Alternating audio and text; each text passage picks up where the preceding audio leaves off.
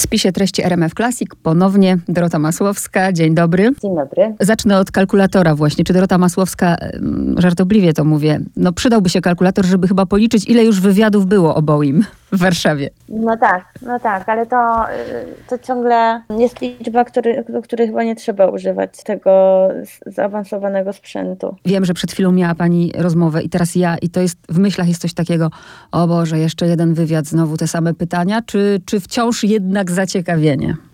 Oczywiście to trochę działa tak, że, że, że te pytania się powtarzają, to znaczy, że ja generuję treści, na których podstawie powstają pytania i to się wszystko zaczyna bardzo ze sobą zapętlać.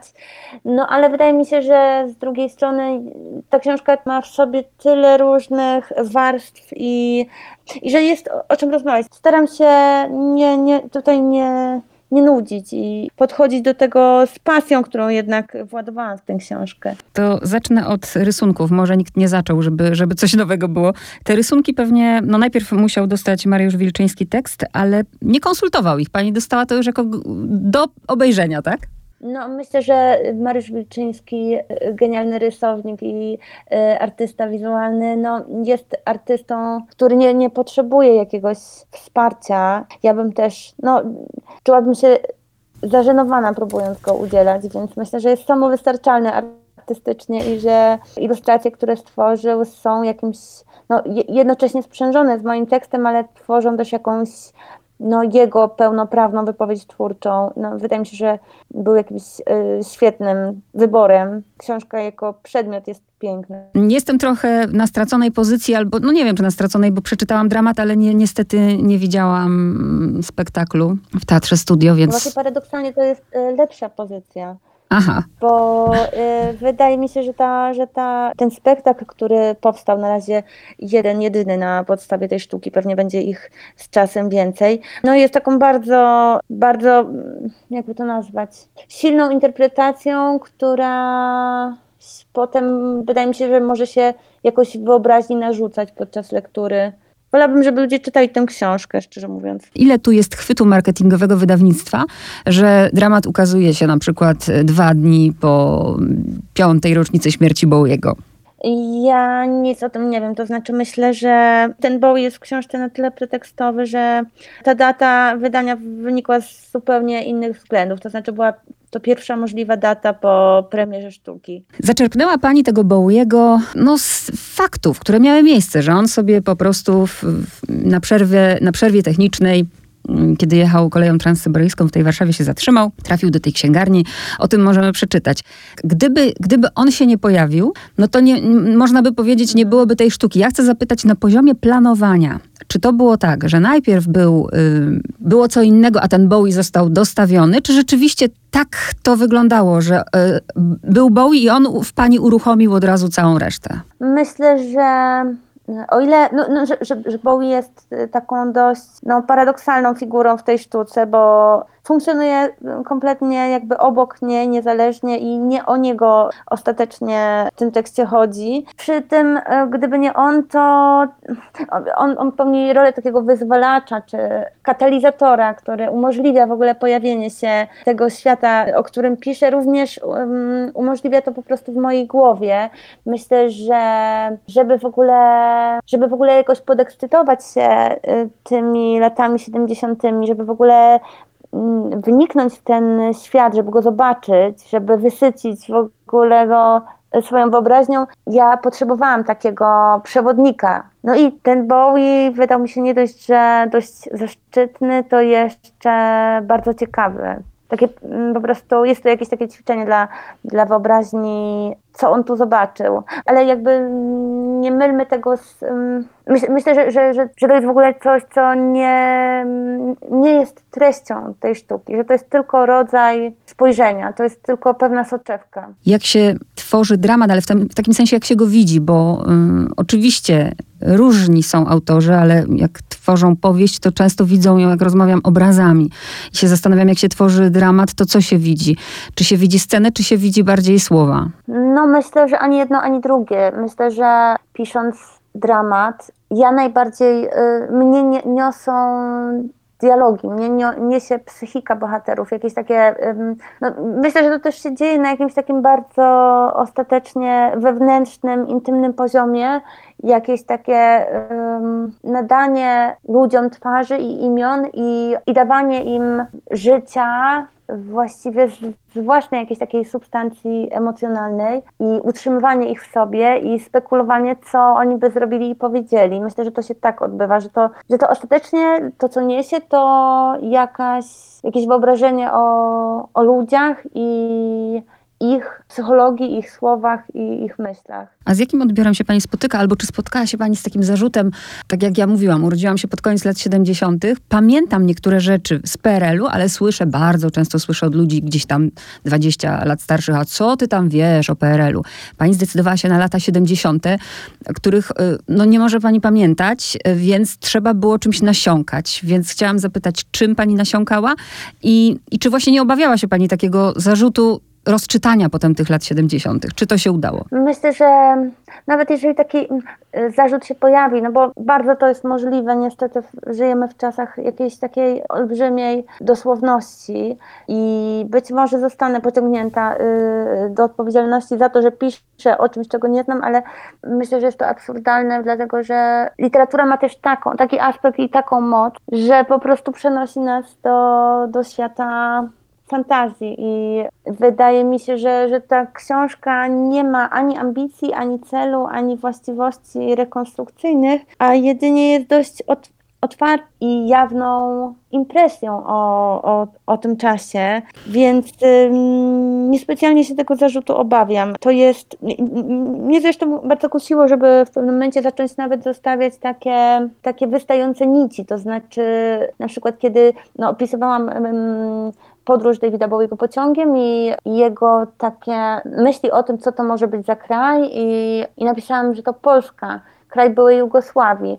I Jugosławia wcześniej nie była, była, więc zastanawialiśmy się z korektą, czy to zostawić. Ostatecznie, ostatecznie to wyleciało, ale wydaje mi się, że dobrze obrazowało ten, no jakby proces twórczy, który rozgrywa się w roku 2020 i, no i dość i nie mam żadnego zamiaru tego ukrywać, że to nie jest e, po prostu rzecz napisana wtedy. Zresztą wydaje mi się, że cała, cała jakby zabawa polega tu na takim na zakradnięciu się tam i na takim właśnie spiratowaniu tego, tego okresu i zaimplementowaniu tam treści, które ówcześnie nie mogło się pojawiać. Tak jak pani mówiła na początku naszej rozmowy, że to jest, tu, tu się tyle rzeczy dzieje, jak z matrioszki można wyciągać, yy, więc ja się zdecydowałam, bo też nie chcę zabierać za dużo czasu na dwa tematy. Pierwsza rzecz, która tak mnie uruchomiła, ja nawet nie mam pojęcia dlaczego, jest taki moment, kiedy pułkownik mówi, a od kiedy to ja piję herbatę bez cukru? Yy, próbuję sobie dzisiaj taką sytuację wyobrazić, pewnie w wielu domach jeszcze jest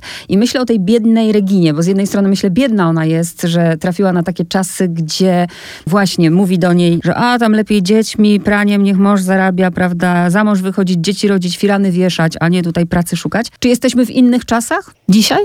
Myślę, że, jest, że na poziomie deklaratywnym jesteśmy w zupełnie innych, ale to nie są te, te, takie, takie figury obyczajowe, na przykład jak w jakiś sposób deprecjonujące i degradujące y, kobiety, dziewczęta, nazywane też y, notorycznie stworzeniami, czymś. Y, no ogólnie y, w jakiś sposób odbierające im y, powagę i, i, i umieszczające je w takim folderze z, z, ludźmi drugiej i trzeciej kategorii. Myślę, że to jest coś, co nie zmienia się szybko, to znaczy na takim poziomie y, dyskusji czy deklaracji wydaje nam się, że jesteśmy dużo, dużo dalej i zupełnie gdzie indziej. Natomiast to trwa. I myślę, że, że i pani, i ja doświadczyłyśmy tego rodzaju sytuacji mm.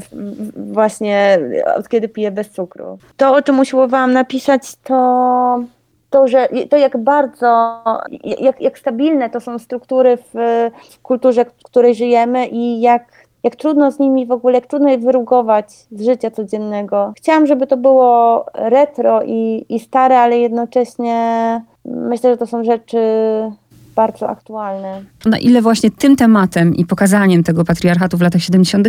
też pani chciała właśnie taki, taki nie że kij w mrowisko, ale taki swój głos też dać teraz. E, na pewno jest to temat dla mnie bardzo bliski i ponieważ jestem trochę niezdolna do działań grupowych i do przyłączenia się artystycznie do tego ruchu, kobiet, to po prostu robię to na własnych zasadach i własnych warunkach, ale robię to. Aha, jeszcze nie poruszyłam w ogóle mm, tematu mm, nieheteronormatywności, o której w ogóle nie było wtedy mowy. Y, teraz wyszła książka Ryzińskiego, prawda, geje w PRL.